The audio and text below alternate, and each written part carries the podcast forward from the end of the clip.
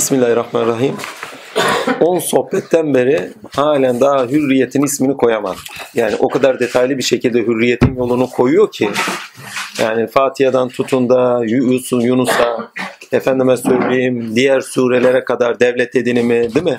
Şeriat üzeri yaşamak, bireysel yaşam, kolektif yaşam yani bireysel noktada özelliklerimizi bulmak, toplumsal düzeyde özelliklerimizi bulmak o kadar çok girip ve katman katman bakın kat kat değil katman katman iç içe o kadar yetkin anlatımlar var ki Kur'an-ı Azimşan'da görüyoruz ama halen daha o kadar alan sundu bize şey olarak bilinçlenmemiz ve özgürlüğümüzü edinmemiz noktasında o kadar büyük bir şey o kadar geniş anlamda bizleri yola sevk etti ve halen daha özgürsünüz demedi yani. Halen böyle özgür olunur, böyledir demedi. Yani bunların sonucunun toplamında yani böyle böyle böyle böyle böyle böyle böyle olduktan sonra ki o katman katman katman katman iç içe en sonunda hürlerdir lafzını duyacağız bir yerde.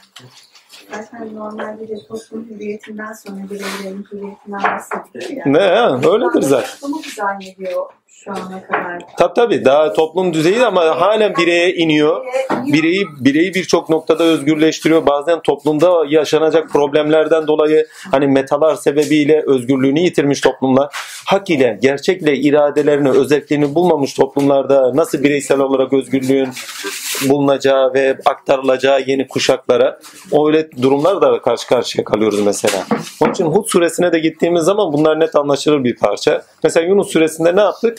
Hani birbirine destek olarak gidiyoruz. Gerçeklere göre nasıl yaşanır? Gerçeklere göre nasıl yaşanır? Daha doğrusu daha doğrusu yol neye göre yaşanır? Gerçeklere göre yaşanır. Aslında tamam, tamamıyla Yunus suresi gerçeklerle yol edinmeye getiriyor. Yani doğru yol dediğimiz gerçeklerle yürünen yol. E, tamam, evet. Tabii. Hud suresine he, ama Hud suresine geldiğin zaman Hud suresini ayrıştıran şey biraz geri dönüş yapıyor. Hani bir geri dönüş yapıyor ve bizi ileriye taşıyor. Onu da ya üçüncü ya dördüncü ayetinde olsa gerek diyor ki ne? O yani sizler mağfiret edesiniz. Allah size mağfiret edesiniz diye ve tövbeler edersiniz diye apaçık delillerle bir Kur'an indirdiği gibiler diyor.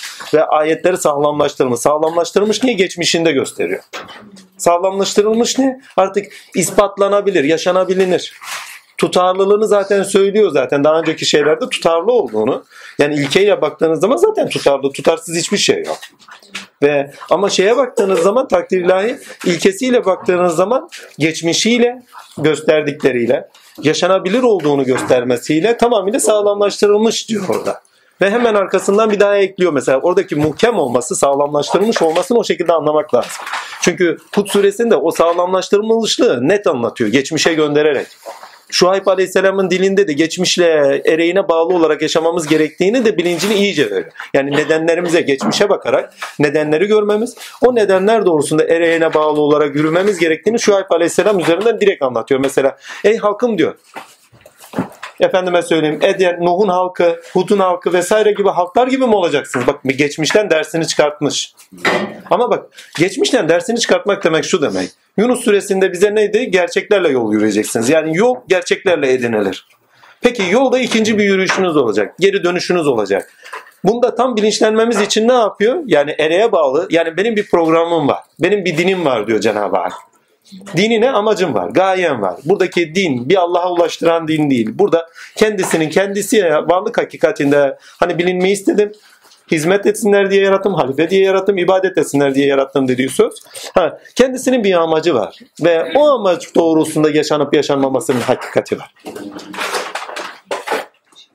Yani Allah'ın bir dini var, bir gayesi var, bir yolu var yani.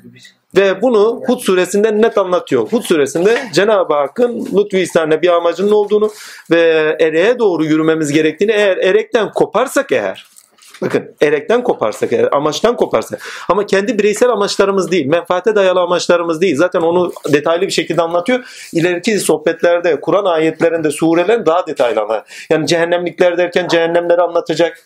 Cennetlikler derken cennetliklerle beraber cennetleri anlatacak.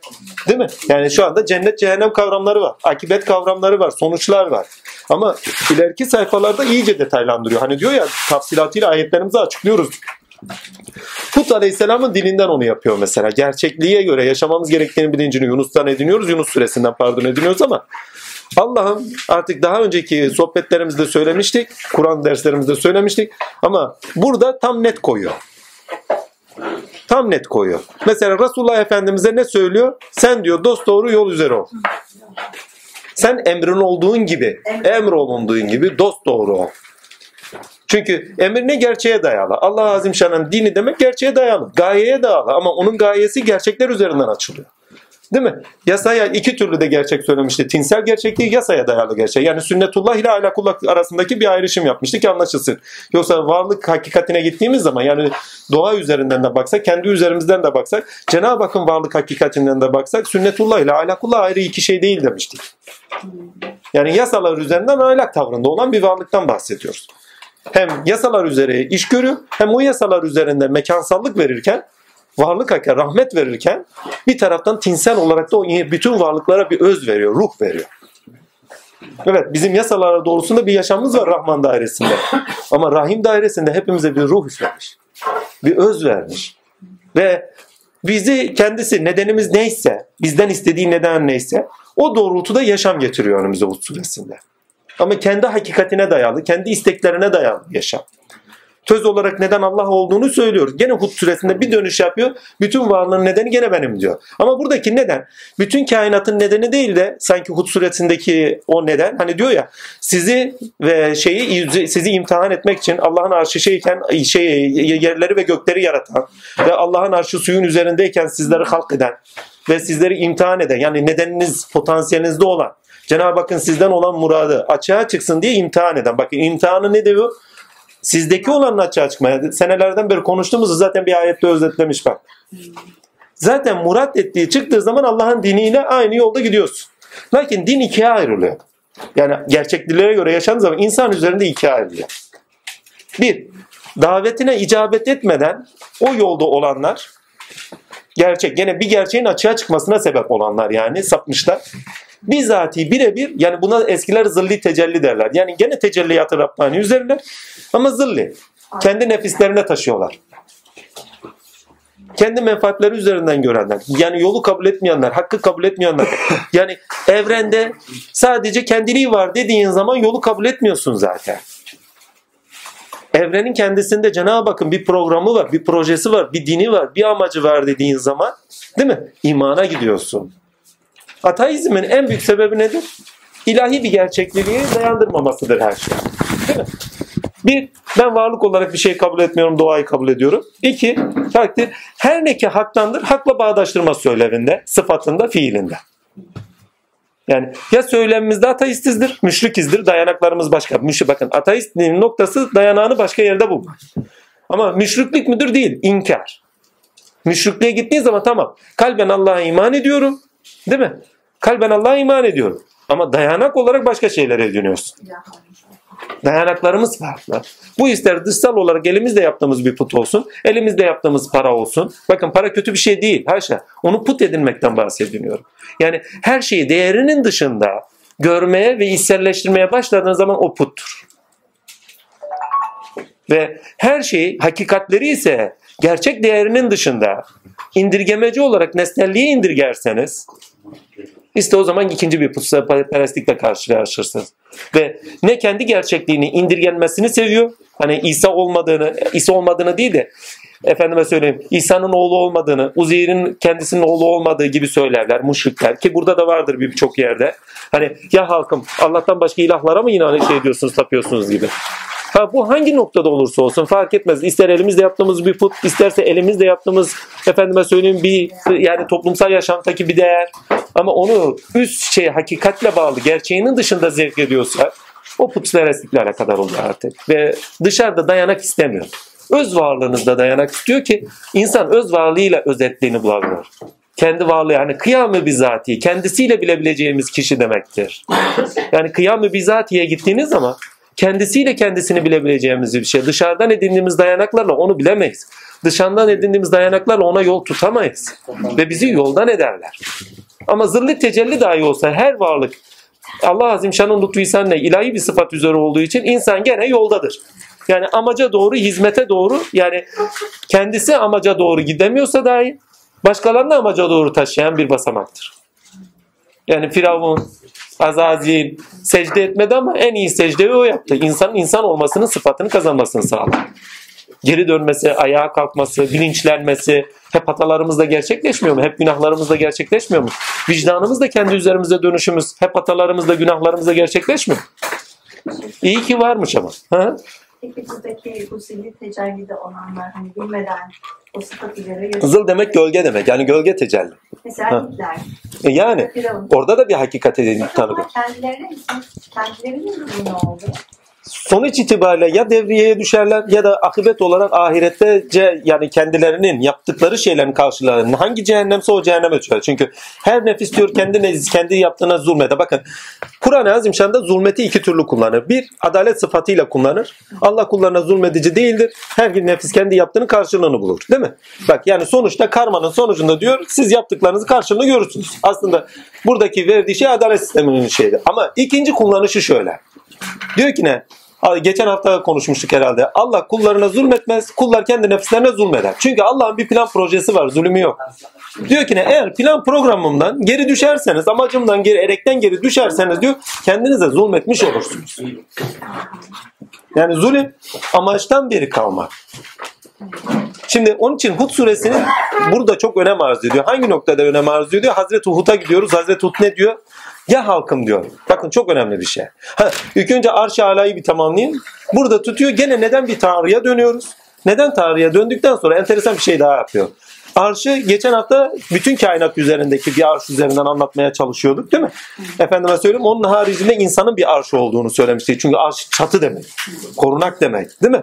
Ve insanda da baş olduğuna söylemiştik. Dünyada manyetosfer olduğunu söylemiştik. Yani her varlığın kendine ait yarattığı zaman Cenab-ı Hak ona bir arş verir, bir çatı verir, bir dayanak verir. İç aleme gittiğimiz zaman ise bilinçtir. Şimdi ama işin enteresan tarafına gideyim şimdi gönüldür. Çünkü insan gönül, gönülde kendini bulur, çatıda kendini bulur. En yüksekte kendini bulursunuz. Çatıya çıktığınız zaman görüş alanınız yükselleşir ya. Bedene indiğiniz zaman, nesnelliğe indiğiniz zaman görüş alanınız sırlaşır.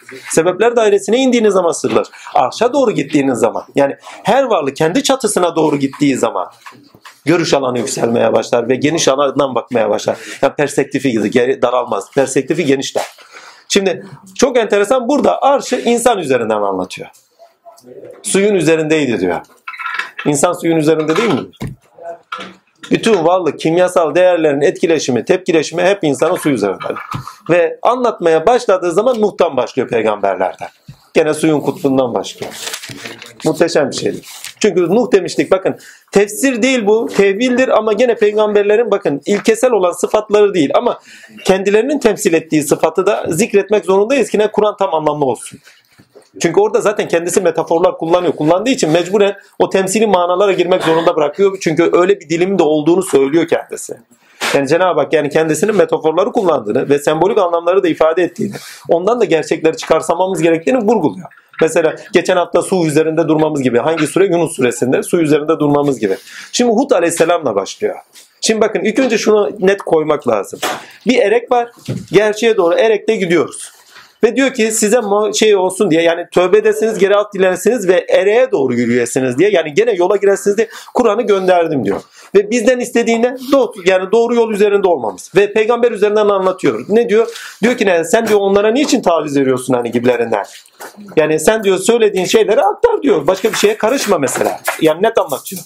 Ve onlarla diyor neredeyse pazarlar. Mesela Resulullah bir ara geliyorlar yanına. Bir gün biz sizinki putu şey Allah'a şey edelim. Yani sana iman edelim. Sen de gel bizim putlara iman et. Yani bak pazarlık konusu oluyor. İlkeden taviz verme diyor. Erekten taviz verme. Sen emrolunduğu gibi dost doğru ol. Ve seninle beraber müminler de olsun diyor. Mesela o dost doğru yolu Hud Aleyhisselam'da da görüyoruz. Değil mi?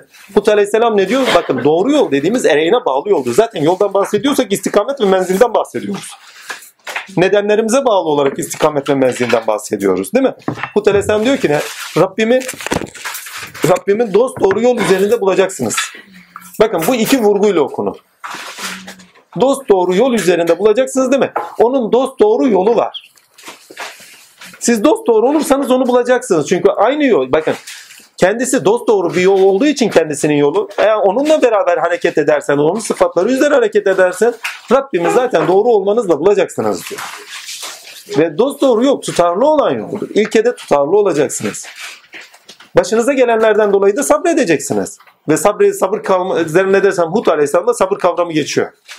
Yunus'ta da geçiyor olsa gerek, Hud'da da geçiyordur. Evet. Ama nereden başlıyor diyor bakın. Dost doğru yolda gitmenin temel ilkelerinden başlıyor. Bakın inişe sebep peygamberlerle fazla alakadar olmuyor. Adem, değil mi? Şimdi İdris Nebi ile biraz yükselmiş, bu yükselik, e, yükselme bulmuştuk. Ama fazla İdris'e de gitmiyor. Çünkü onlar insanlığın çocuksu devreler. Biraz daha yetişkinlik, ergenlik devresinden başlıyor. Çünkü artık bilinçlendi insan. Değil mi?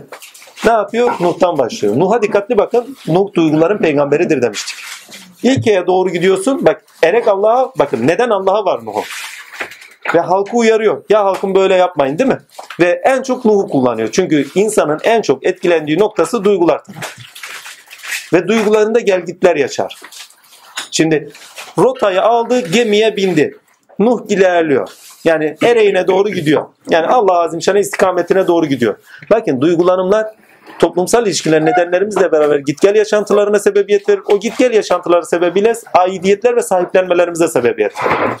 Ve o sahiplenmelerimizin dahi ereğimize giderken kabul olmadığını söylüyor. Çocuğunu istiyor mesela. Ya Rabbi hani ya Rabbi evladım tut elimi. Ya Nuh senden olmayanı isteme. Bakın ereğe doğru giderken yani yakınım, çocuğum ve hatta Lut'un karısı. Kut Aleyhisselam'a Lut'a gideceğiz. Oraya gittiğiniz zaman Lut'un karısı. O geride kalanlardan oldu diyor. Şu eşimdir. Şu çoluğum çocuğumdur. Bak eşimdir demek aynamdır.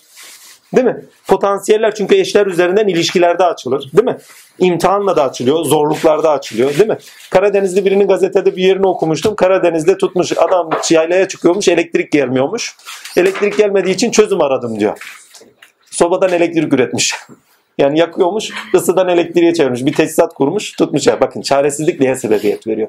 Adam yaylada soba yakıyor ve sobadan demiş nasıl elektrik üretirim? Ve elektrik üretmiş, ampul yakmış. 3-4 tane ampul yakmış. Daha ne olsun? Muhteşem bir şey. Gece karanlıktan kurtuldu.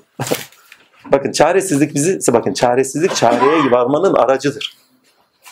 Yanlışlar doğruya varmanın aracıdır. Ve yanlışları göstererek, olmaması gerekenleri göstererek Kut suresinde, olması gereken üzerinden yaşamayı getirir bize. Lakin bakın burada çok önemli bir şey var. Gelecek öngörebilinirdir. Ereğe bağlı yaşam öngörülebilinirdir. Zaten insan öngörebilir varlık olarak yaratılmıştır. Bir, sezgisel düzeyde. Bütün beden algısallığımızla öngörebilir bir bilince sahibizdir. Bakın bilinç zaten öngörebilir olduğu zaman bilinç olur tam. Nedenlerine bağlı olarak, kendinde kodlanmışlara bağlı olarak her şeyi öngörmüyor musunuz yolda yürürken bedeninizle? Trafik kuralları şu bu değil mi?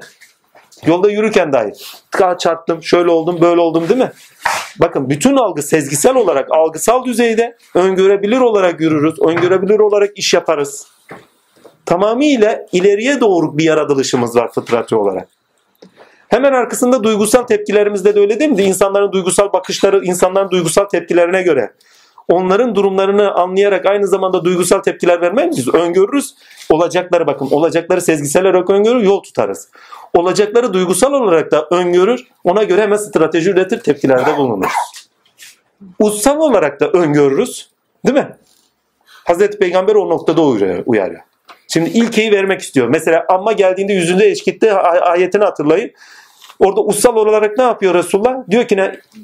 Yani bir kişiyi daha iman ettirirsem kuvvetleniriz. Niye bir kişi daha olursa zengin birisi kuvvetleniriz öngörü. Bak ussal olarak bir öngörüsü var. Ama hemen uyarılıyor. Kimin iman edip etmeyeceğini sen iyi mi bileceksin? Değil mi? Muhteşem bir şeydir o.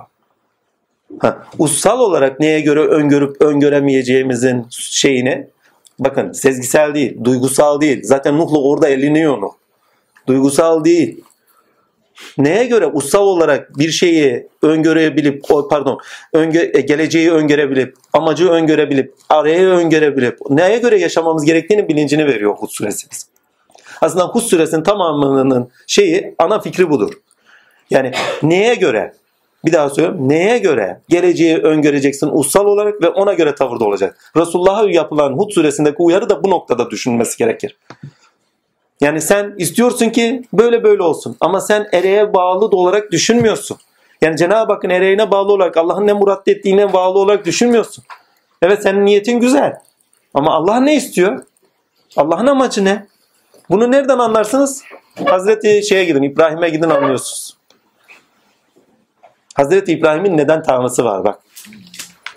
Sıfatlarıyla da bir olduğu bir tanrısı Halil. Halil sıfatlarıyla bir. Dost dostun aynasıdır. Değil mi? Tatil. Ama ereğe bağlı tanrısı yok. İşleri bir ereğe bağlı olarak yapan tanrısı yok.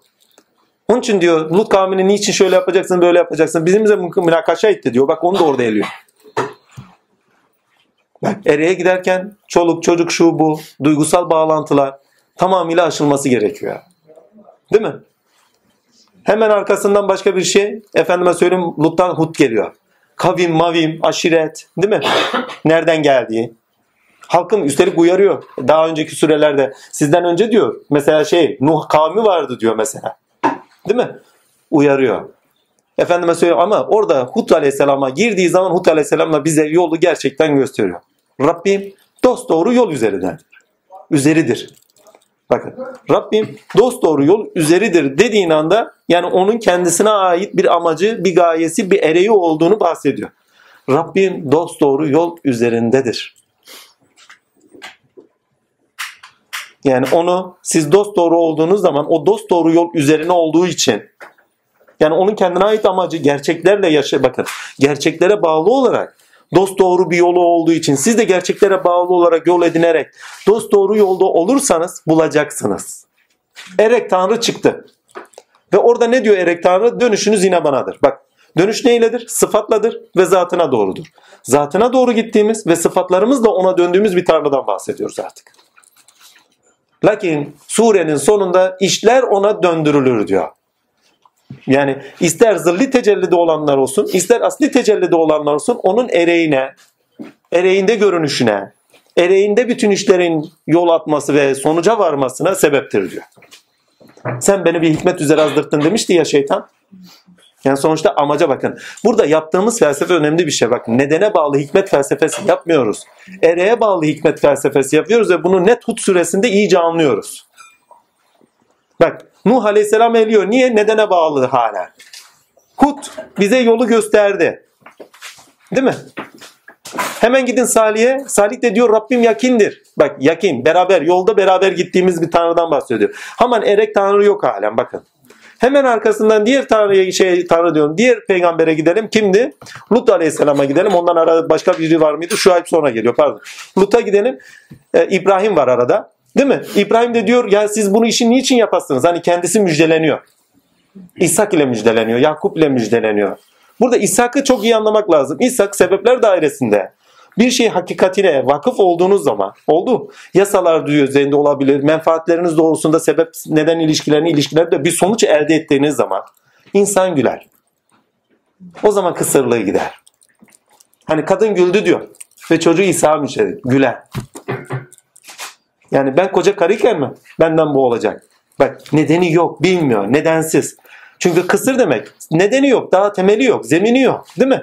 Ama Allah istediğini ereğe bağlı olarak herkesten istediğini çıkartabiliyor. Aynı Salih'in devesi gibi düşünün. Olmazı olur kılabiliyor.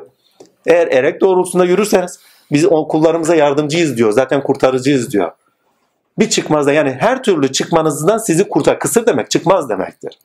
Sizi çıkmazdan kurtarır demektir.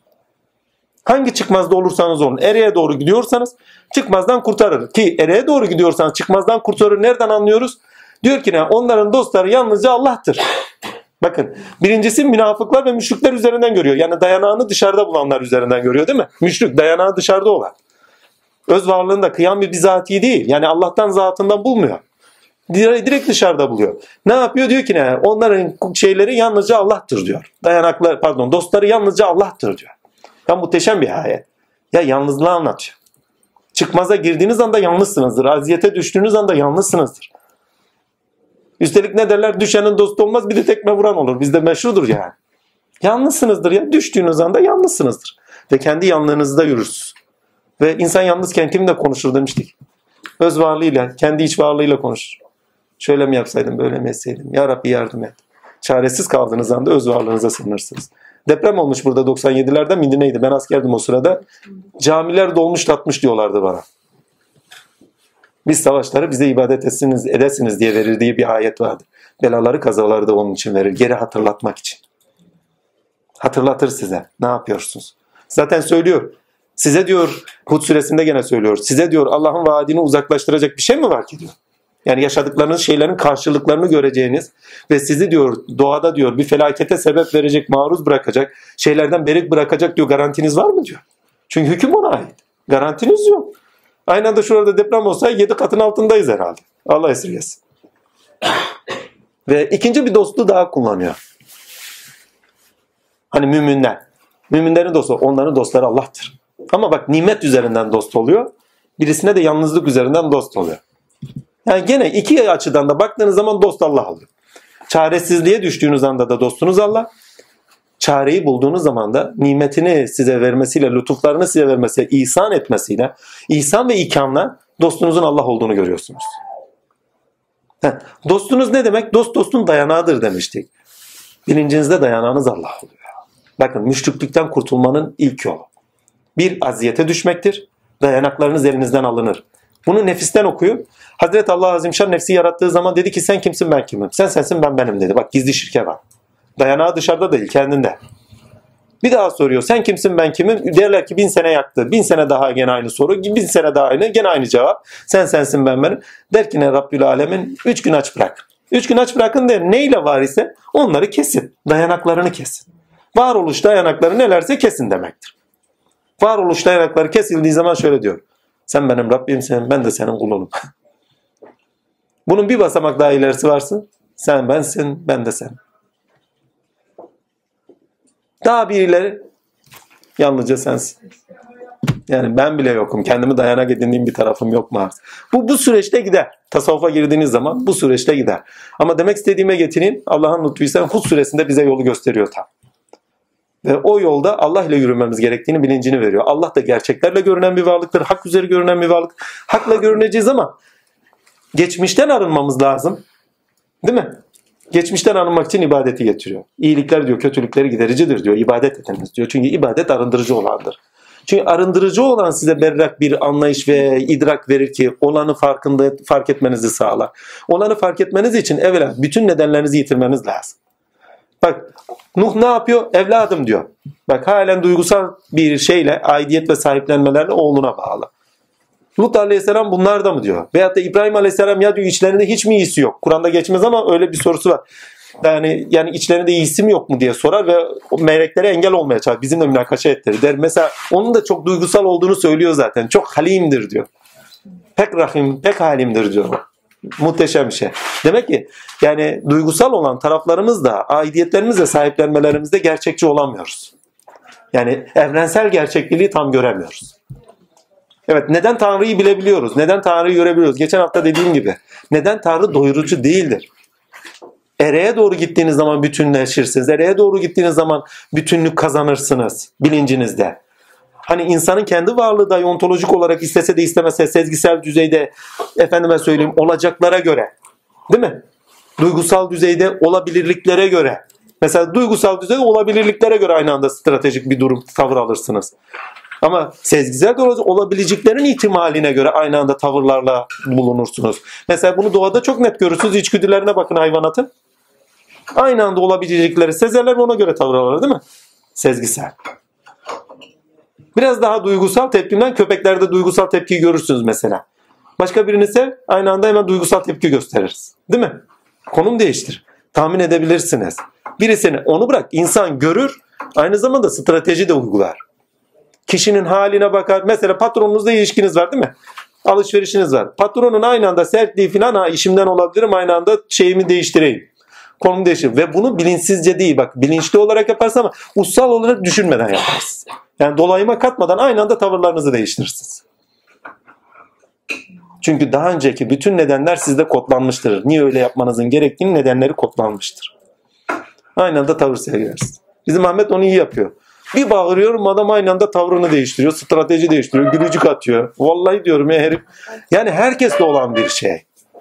Ve Hud Aleyhisselam'ın ismi geçen surede Hud Aleyhisselam'ın ismi geçen surede duygusal öngörüler, sezgisel öngörüler, efendim ussal olarak ereğe bağlı dahi olsa bireysel olarak öznel olarak belirlediğimiz öngörüler Hani sebeplere bağlı ama sebeplere bağlı öngördüğümüz belirlemeler istenmiyor.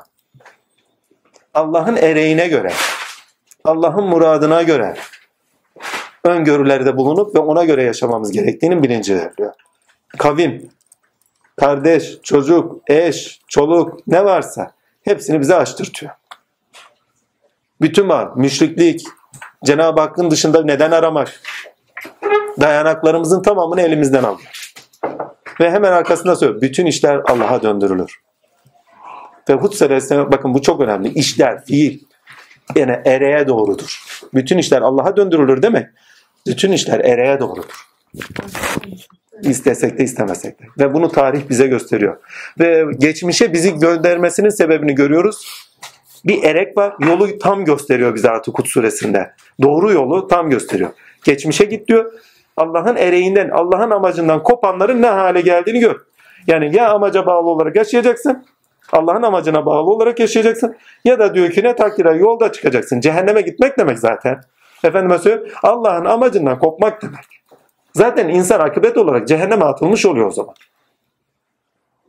Hani düşünün bir şey hakkıyla yapmadınız. Hakkıyla yapmadığınız şey sizde vicdan dahi oluştursa pişmanlık cehennemle atmıyor mu sizi? Yanlış yaptığınız bir şey sizi yalnız bıraktığı zaman dostlarınızdan, arkadaşlarınızdan ayrılmanın hüznüne düşmez misiniz? Yanlış yaptığınız şeyler dolayısıyla. Zaten direkt cehenneme gidiyorsun.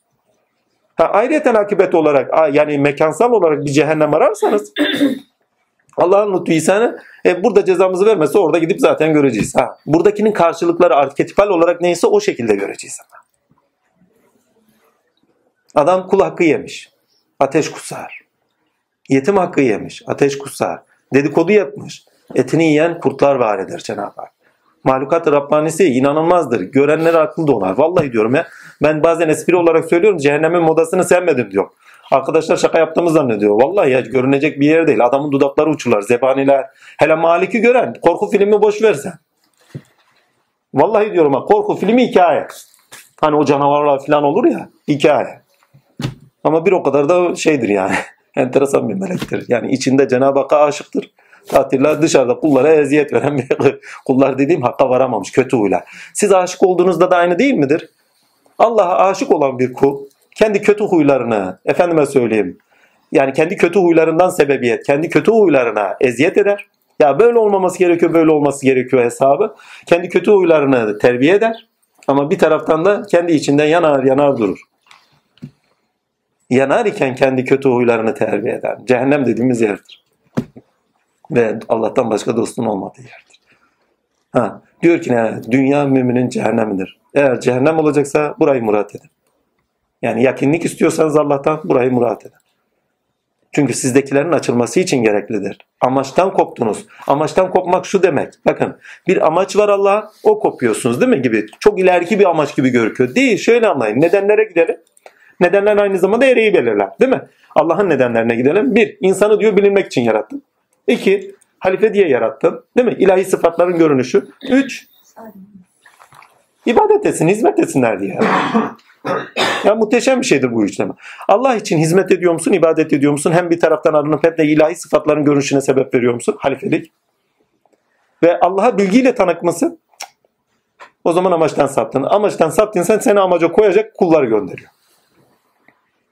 Siz eğer diyor dinimize hizmet eder? Bakın dinimiz diyor bak.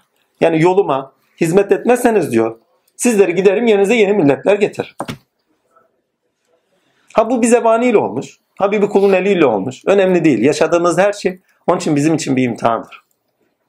Amaca sevk edici bir imtihan. Ama amaç derken burada gene din demiştik nedir? Yaşamsal olandır. Hani Maliki Yemiddin dün gününün sahibi, yaşam gününün sahibi. Yaşadığınızda Allah'a taşıyacak şey olması lazım. Allah'ın sıfatları bakın Cenab-ı Hak görünenlerle bilemeyiz dedik. Neyle biliriz? Eylemlerinde görürüz ve biliriz. Değil mi? Esmaları vesaire. E peki bunları tam idrak etmemize içselleşme kendi üzerimizdeki tecrübelerimizde gerçekleşir. Deneyimler. Deneyimlemediğiniz, sıfatını deneyimlemediğiniz bir varlığı nasıl anlayabilirsiniz ki? Yani merhameti deneyimlememesi merhametin ne olduğunu nereden bilersin? Cömertliği deneyimlememesin değil mi? Cenab-ı Hakk'ın cömert olduğunu nereden bileceksin? Ha, ya Rabbi sen cömertsin. Sana olan gelen cömertlikler. Değil mi? Ama sen cömertliği deneldiğin zaman o zaman bekasında. Bakın bütün ayet ve esmaların hem fena hem beka mertebesi vardır. Fena mertebesinde size o sıfatla görünülür. Beka mertebesinde o sıfatı bizatihi kendiniz yaşarsınız asli seyahatinde. Fenasında bakın zillinde demiyorum. Fenasında o sıfatla size görünülür. Ama bekasında o sıfatı siz yaşarsınız, tecrübe edersiniz ve Cenab-ı Hak kendi üzerinizde o sıfatı yaşamanızı da tecrübe edersiniz, deneyimlersiniz. Ve o sıfatla ayağa kalkarsınız. Kıyamı bizatihi. Zatıyla kıyamı bizatihi nur, sıfatlarıyla kıyamı bizatihi. Onunla görür, onunla duyar, onunla verir, onunla sever. Onunlası fazla, lasına o sever, o görür, o duyar, o bilir. Sadece yaşarsın. Sen atmadın Allah attıya kadar götürür sizi bu. Hud suresi bize tamamıyla yolu gösteriyor ve yolun amaca bağlı olduğunu söylüyor. Ve amaca bağlı olan yoldan eğer düşersek hiçbir şekilde düşmemize de müsaade etmiyor zaten uyarıyor. Bu sizin için apaçık bir Kur'an'dır diyor, öğüttür diyor. Zaten Kur'an'ı diyor alemlere öğüt olsun diye gönderdik diyor. Hakikaten de görüyorsun ve bize geriye götürüyor. Erekten, amaçtan sapanların ne olduğunu bilincine getiriyor. Ve geri dönüşü de suyabın diliyle yapıyor. Ey halkım sizden önce böyle böyleler vardı. Ve aynı zamanda çok enteresan bir şey daha yapıyor. Peygamberin dininden Adem'den Hatem'e İslam dediğimiz şeyi dile getiriyor. Şey dediğim yani şey, ilkeselliği dile getiriyor. Mesela ya halkım müşriklerden olmayın. Sizi kendisinden başka o ilah olmayan Rabbe davetçiyiz değil mi? Elhamdülillah Rabbil. Birincisi Allah'a iman değil mi? İkincisi salih amel.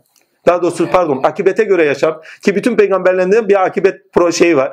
Yani ne diyorlar? Sizi kötü bir günden şey diyoruz, haber veriyoruz. Kötü günden uyarıyoruz gibi. Yani sizi vakitten uyarıyoruz. Yani yaptıklarınız sebeplerinden dolayı sizi gene ereğe taşıyacak bir şeyle karşı karşıya kalacaksınız. Aslında burada büyük bir merhamete de tanırız. Bakın yok edişten daha çok. Değil mi? Büyük bir merhamete de tanırız. Yani bir amaç var, bir program var. Kardeşim bu program doğrusunda gitmiyorsa, kendi üzerinde programın açılımına sebep vermiyorsan, kendini geriye atıyorsun, bloka ediyorsun diyor. Seni de açmak için diyor. Elbet diyor bir zahmet gönderecek diyor. Büyük bir uyarıdır. Zaten uyarı olması merhamettendir. Eğer yani Hud suresinde merhamete net tanıksın. Çünkü uluhiyetiyle görünüşü aslında merhamet ilahi üzerinden görünüştür. Bakıyorsun o merhamet tavrı yani rububiyet tavrıyla uyarışı aslında uluhiyet azamı da görünüşe sebep. Kabul etmediler diyor. Mesela orada çok güzel bir uyarı da var. Sen istesen de istemesen kabul edici değiller. Demek ki program doğrusunda onların da olması gerekli. Bakın gerekli.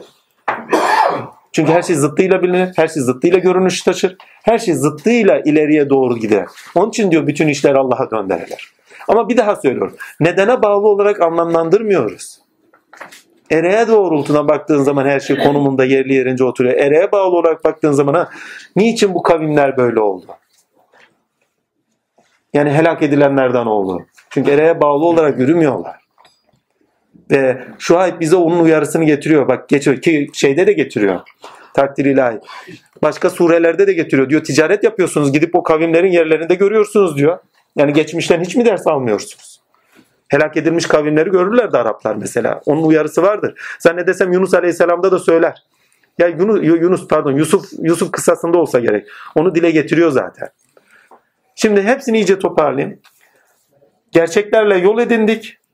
Gerçeklerle yol gidiyoruz Yunus'ta değil mi? Hud ile de beraber artık amaçtan hiçbir şekilde taviz vermeyen idealistler olmamız gerektiğinin bilincini alıyoruz. Hud suresi tamamıyla idealizmdir. İdealizmdir yani ideal vardır. Bu ideale göre yaşayacaksın diyor. Başka çaren yok diyor. Kurtuluş yok. Ya buna göre yaşayacaksın. Yok efendim şuydu. Yok efendim buydu. Yok diyor. Ya buna göre yaşayacaksın. Ya bundan olacaksın ya bundan olacak. Ve seçimi size bırakıyor. Öğüttür diyor çünkü bak. Bakın ilahi programdan baktığınız zaman siz de isteseniz de istemeseniz de o programın içindesiniz. Ve sonuçlara sebepsiniz. Değil mi? Sen diyor sonuçlara sebepsin diyor. Ama ben diyor ereğimle gidiyorum. İstersen diyor sonuçlara doğrusunda ya pardon sonuçlara giderken diyor. Efendime söyleyeyim ister bunlardan ol ister bunlardan ol. Bütün işler bana döndürülür. Yani bütün işler benim amacıma göredir. Ve bizden istenen tamamıyla idealizmdir. Taviz verilmiyor. Bak idealizmde taviz verilmez. İdealizm demeyeyim ideal. İdeal yaşamdan taviz verilmez. Yani dinin kendisini ize koyduğumuz zaman, izime koyduğumuz zaman bambaşka bir yere taşıyacak bizi çünkü. Ha. Hud suresinde bize verilen tamamıyla ideal bir yaşam biçimi edinmemiz. Neye göre? Cenab-ı Hakk'ın yaşadığı biçime, pardon Cenab-ı Hakk'ın amaçlarına ve gayesine göre bir yaşam biçimi edinmek. Bu da tamamıyla idealizmdir. Öznel idealizmimdir değil. Tamamıyla mutlak idealizmdir. Mutlağa göre yaşam. Hud suresinde bize verilen bu. Amaçtan kopmayacaksın. Gayeden kopmayacaksın. Çünkü gaye bütünlüğe getirir. Gaye sulha getirir. Gaye selamete getirir. Ama gaye gerçeklere dayayan gaye. Bakın hürriyetimiz ve özgürlüğümüzü elde etmenin bir yerini de bir şeyini daha verdi. Taviz vermeden yaşamak. Gerçekten taviz vermeyeceksin. Hakikatten taviz vermeyeceksin. Dayanaklarını dışarıda bulmayacaksın. Neyle karşı karşıya kalırsan kal diyor. İster sapkınlıkla karşı karşıya kal, ister evladınla karşı karşıya kal, ister kavminle karşı karşıya kal, isterse karınla, eşinle, çoluğunla, çocuğunla karşı karşıya kal. Fark etmez diyor. Haktan tavizin olmayacak diyor. Resulullah istersen diyor ussal olarak sebepler dairesinde öngörülerin olsun. Hani kuvvetlenelim, şöyle olalım, böyle olalım gibi öngörülerin olsun diyor. Katliyen diyor. Sen gene amacından taviz vermeyeceksin. Resulullah'a uyarıyor. Bak Resulullah'la da bizi uyarıyor. Hani taviz verecek tarafları var. Elinden gelse diyor sana söylenenleri diyor söylemeyeceksin diyor. Değil mi? Sen diyor sadece söyleyeceksin diyor. Hakikati dile getireceksin. Kabul edip edilmemesi ayrı mevzu. Muhteşem bir şeydir ya. Hiçbir şekilde taviz vermiyor. Şimdi ben bunu söylersem ters anlaşılır. Ya anlaşılırsa anlaşılsın kardeşim. Sen hakikati söyle. Bak duygusal tepki var. Aynı anda okuyor. Bak strateji belirliyor. Demek istediğim nasıl bir öngörü var. Şimdi karşısında insanlar var. Bunu söylersem ne olacak? Ters anlaşılır. Şöyle olur, böyle olur filan filan değil mi? Söyle diyor sen ya. Bakın öngörülü olarak, duygusal öngörüler olarak, sebeplere bağlı ussal öngörüler dahi olsa Resulullah'ta ussal öngörü var bak. Duygusal da bile değil. Böyle yaparsan böyle olacağın ussal öngörüsü var. Ussal öngörülerin dahi olsa diyor mutlak ereğe göre diyor bakacaksın. Yaşayacaksın. Tavizin olmayacak. Muhteşem bir şeydir. Şimdi Hud suresi bize idealizmi getiriyor. Ammenna. Mutlak idealizmi getiriyor. Mutlağa göre yaşam biçimi edinmemizi getiriyor. Ammenna. Ama işin enteresan tarafı halen daha geleceği tam öngöremiyoruz. Sadece nedenlere bağlı olarak değil mi? Ereğini doğrusunda yaşamayanların başlarına ne geldiklerini görüyoruz ve onların dahi o yolun içerisinde olması gerekli olanlar olarak görüyoruz. Yani büyük resimden baktığın zaman Firavun da olması gerekli. Efendime söyleyeyim şey de Azazil de olması gerekli. İyi ki de öyleymişler çünkü hele öyle olmasalar biz zaten onun sohbetini yapamayız. Farkındalık olmaz, bilinç oluşmaz nedenlere bağlı olarak kodlanıp da öngörüler oluşmaz geleceğe doğru. Bir daha burada çok önemli bir şey daha var. Allah'ın lütfu ihsanı e, bir daha söylüyorum bakın şeyin Nuh'un neden tanrısı var. İbrahim'in halen neden tanrısı var. Eylemlerin sonuçlarını da öngörebiliyor. Ama mutlak ereğe göre halen öngörülerin olmadığını görüyoruz. Değil mi? Halen neden tanrıda olan bir İbrahim var. Lut'ta da öyle. Bir tek Şuayb da öyle değil bakın. Şuayb vicdanın kutbudur. Vicdanın bir kıblesi de geleceğe doğrudur. Ben bunu niye böyle yaptım derken kişi o niye yaptığın şeylerin de başına ne getireceğini bilir vicdanında.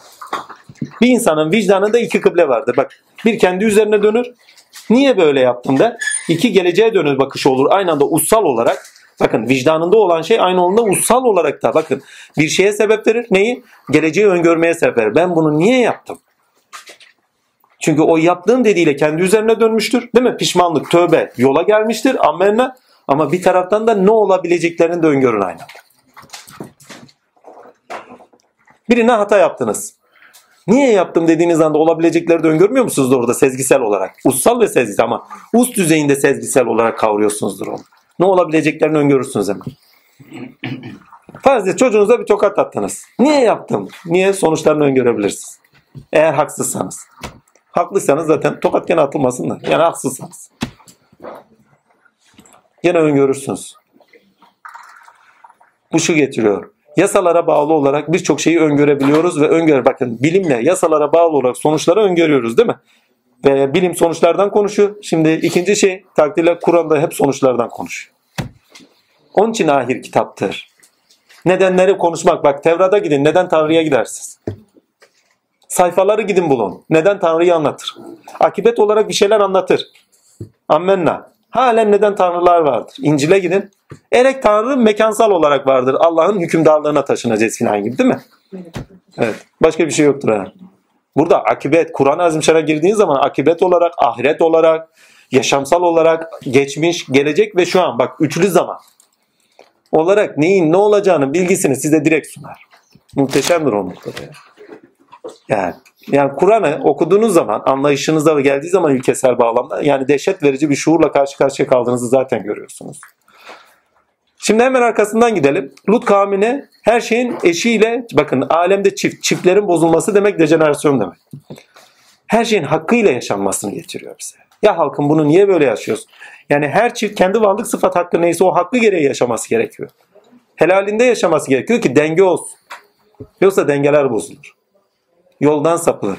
Ha şimdi buradaki konuştuğumuz şeylere dikkatli bakın. Tama değil mi? Bazı şeyde peygamberde bakın üç şeyi söylemiştik. Bir, Allah'a imanı söylüyorlar. İki, ahirete imanı getiriyorlar. Akibete imanı getiriyor. Bak sizi öyle bir günden korkutuyoruz ki değil mi?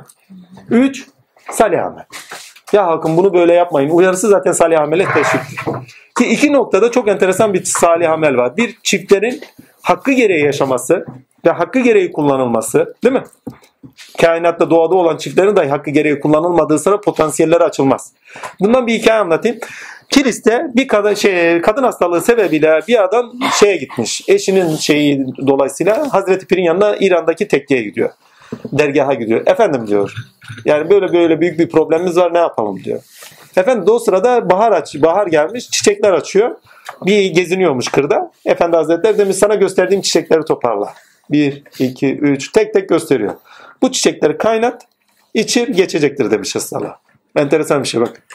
Şimdi Hazreti Pir yürüyüşüne devam ederken adam orada çiçek çok ya hepsinden toplamaya başlıyor. Mübareğe ayan deriyor diyor. Diyor ki evladım benim gösterdiklerimi sadece toparla. O çiçeğin hem dişisi var hem erkeği var. Yani diğerini kullansa ondaki potansiyel ona yaramıyor. Sonuç vermiyor. Yani her şey hakkıyla kullanıldığınız zaman sizde olanın açığa çıkması söz konusu. Potansiyelinizde olan. Lut Aleyhisselam bu mantığı getiriyor bize. Sizdeki ilk ancak çiftiyle açığa çıkar, ilişkisinde çıkar. Hemen arkasından efendime söyleyeyim Şuayb Aleyhisselam teraziyi ne güzel söylüyor değil mi? Evlat yani bak vicdan, terazi. Ya sizin vicdanınız yok mu? Kul hakkı. Terazi diyor sağlam tart. Vicdanınız sağlam olsun. Çünkü vicdan sahibi olan yaptıkları şeyle kendi üzerine dön. Vicdan sahibi olan aynı zamanda yaptıklarının sonuçlarını öngörür. Öngörür. Şu ay bize onu getiriyor bilinci. Şu ay vicdanın şeyidir, kutbudur. Ve bize öngörü getirir. Ne olabilirliğini sezgisel öngörüsünü getirir. Velet talin amin. Lut'u burada bitirelim. Hut'u pardon. Hut'u bitirelim. Şeye geçelim. Yunus'a geçelim ama önce biraz bir şey yiyelim. Kapatayım mı biraz? Bir daha. 13. ayette Şey diyor. Yoksa onu yani uydurdu mu diyorlar. Peki eğer Sonra. Allah, Allah'tan başka çağırabildiklerinizi yardıma çağırın da Bir daha alabilir miyim? şöyle diyor. Yoksa onu yani Kur'an'ı kendisi uydurdu mu diyorlar. De ki eğer doğruysanız Allah'tan başka çağırabildiklerinizi yardıma çağırın. Ama onu unutmuştum aklımdaydı. Size de sor. İyi ki hatırlattınız. Şimdi şeye bakarsan e, Tevrat'ı da örnek veriyor orada. Bunu söyledikten sonra Hazreti Musa'yı da örnek verir. Alttaki surede Evet. onu da soracağız zaten. Şimdi o örnek veriyor. İkisini beraber okuduğunuz zaman zaten anlamlı oluyor. Bakın Hud suresinde ne yapıyor? Hemen bir geçmişe gidiyor. Bizi uyandırıyor. Nedenler bak. Yaşananlar üzerinden bize dersler çıkartıyor, kodluyor ve geleceği öngörmemiz isteniyor. Ama ussal olarak geleceği öngörmemiz isteniyor. Yani mutlak ilkeye bağlı olarak geleceğin öngörülmesi isteniyor. Değil mi? Şimdi geliyor bir tanesi size diyor ki ne ben Allah'ın peygamberin size söz getiriyor sadece. Başka hiçbir şey yok. Elinde tutulacak, elle tutulur hiçbir şey yok. Sadece diyor ki bu Allah'tandır. Değil mi? İnsanlar doğal olarak da ne yapıyor? İnanıyor veya da inanmıyor. Doğal olarak yani yani imanı vardır inanıyor. imanı yok inanmıyor. Yani böyle bir sürenin gelmesi, haktan gelmesinin olabilirliği yoktur diye bakıyorlar. Yani Allah göndermez diye bakıyorlar. Yani bula bula senin buldu. Bir, iki, Allah böyle bir şey göndermez iki. Lakin hemen Tevrat'ta geçmişte örneği var. Geçmişte örneği varsa zaten olabilir. Bir de yani muhkem kılındı derken geçmişte örneği bakın ilk ayete gidin muhkem kılındı diyor sağlamlaştırıldı. Niye? Geçmişte örneği var. Yani geçmişe git diyor. Tevrat var mı? Var. O zaman kabul niye kabul etmiyorsunuz diyor. Yani geçmişte ben göndermişim diyor. Kabul edilebilirliği var yani. Geçmişte örneği var demek. Gerçekliliği var demektir. Demek ki gönderebiliyor. Gönderiyor. Bunu günümüze vuralım. Bir evlullah gelsin size desin ki de bu bu bu, bu hakikattir desin. Bu hakikate göre zamanımızın tini budur yaşanmaz gerekiyor. Nereden biliyorsun? Sen nerede oluyorsun? Hani Gülşen Iraz'da sormuşlar ya. Efendim Allah insanda konuşur mu? Geçmişe o da demiş ya takdirle. Ağaçtan konuştuğuna iman ediyorsun da insandan konuştuğuna mı iman etmiyorsun? Yani olabilirliliği var. Ve tarih bize olabilirliğini gösteriyor, gerçekliğini gösteriyor. Ha, buradaki iki ayetin ard arda gelmesinin sebebi ki ard ardadır. Kur'an-ı Azimşan diyor 10 sure getirin. Bakın meydan okuyor. Niye 10 diye merak ettim. Ha, onu ona ben düşünmedim onu söyleyeyim. Şimdi var dersem yalan olur. Ha. 11. sure bu 10 sure acaba Ha, 10 süre geride kaldı doğru. Doğru doğru bak öyle düşünmedim. Sen güzel düşündün. 10 süreci. Tamam 10 sure getirin diyor. Mesela bakın 10 sure dediğin zaman ilkeli, ilkeli tutarlı birbiriyle dayanaklı olan bir şey getirin diyor. Sure demek, vakit demek, devir demek. Birbirleri ama devirler bakın kopuk değil, katman değil. 10. Şey kat değil. Katman katman iç içe olan bakın 10 tane sureyi işledik şimdiye kadar değil mi? 10 surenin tamamı da birbirine ne kadar içkin, birbirine ne kadar girip ve birbirini ne kadar destekleyici ve ne kadar tutarlı.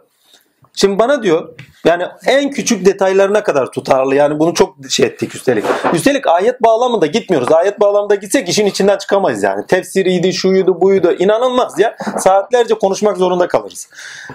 10 sure dediği zaman 11. sure hakikaten de geçmişine baktığın zaman 10 sure. Zaten Hud suresi geçmişe gidiyor. Sen de diyor geçmişte indirdiğim Yunus'a kadar indirdiğim kadar 10 tane tutarlı sureyi getir ama o sırada inerken 10 tane sure hazır değil. Bu bizim için söylenen 10 sure. Şimdi geçmiş zamanda gelmiş ayetler ve diyor ki ne 10 tane sure getirin. Yani tutarlı bir söylev getirin. Şimdi Arapların o sıradaki geleneğine gidin. Şiir ve doğaçlamalar üzerinde şiirler var biliyorsunuz değil mi? Ve o şiirleri şey yazıyorlar. Kitap aklı yok adamlarda.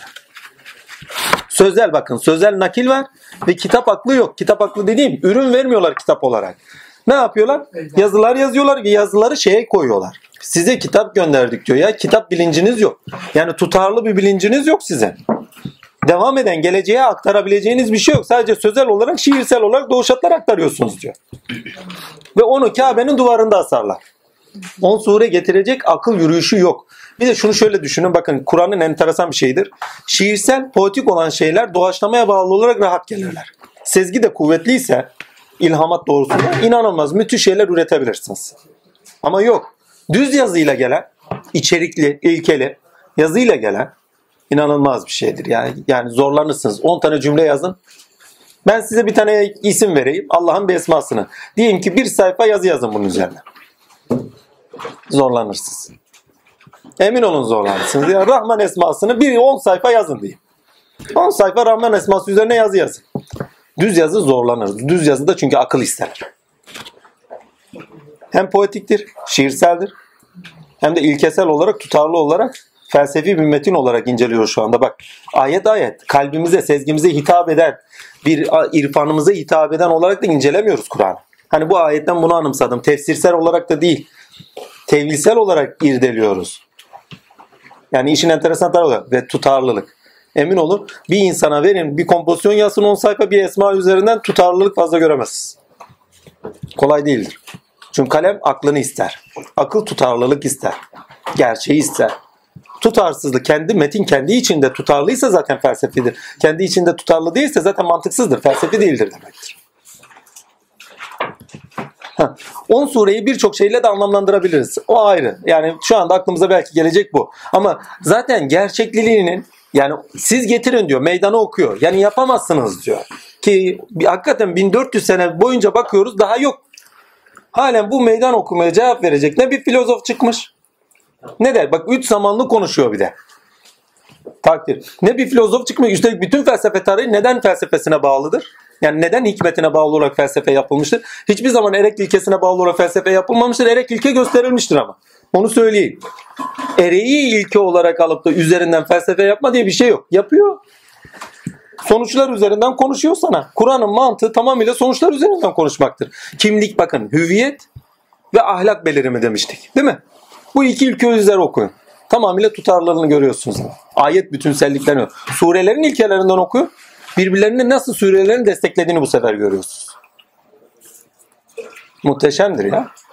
10 tane getirin. Hadi meydana okuyalım. Biz yapmaya çalışalım. 2 tane ayet. Hem evrenseli kapsayacak, geçmiş zamanı kapsayacak, şu ana hitap edecek ve bizi ileriye taşıyacak. Ama gerçeklere göre ileriye taşıyacak ha. Yani mutlak ilkenin yürüyüşüne göre ileriye taşıyacak. Mutlak ilkeyi kabul etmeyen filozoflar var ya. Her, İnsan Tanrı ölmüştür. Her an canlı. yani. Ve her an sende canlılığa sebebiyecek. Duygusal tekniğe sen. Yani sende karşılığı olacak demektir o. Canlı olması sende karşılığı olacak demektir. Yani Musab insanda dirilir. Ve Kur'an olur. Ne zaman insan yaşamını alır Musaf'ı? İşte o zaman Kur'an olur. Ne zaman onunla yaşantısına yön verir o zaman Furkan olur sizde.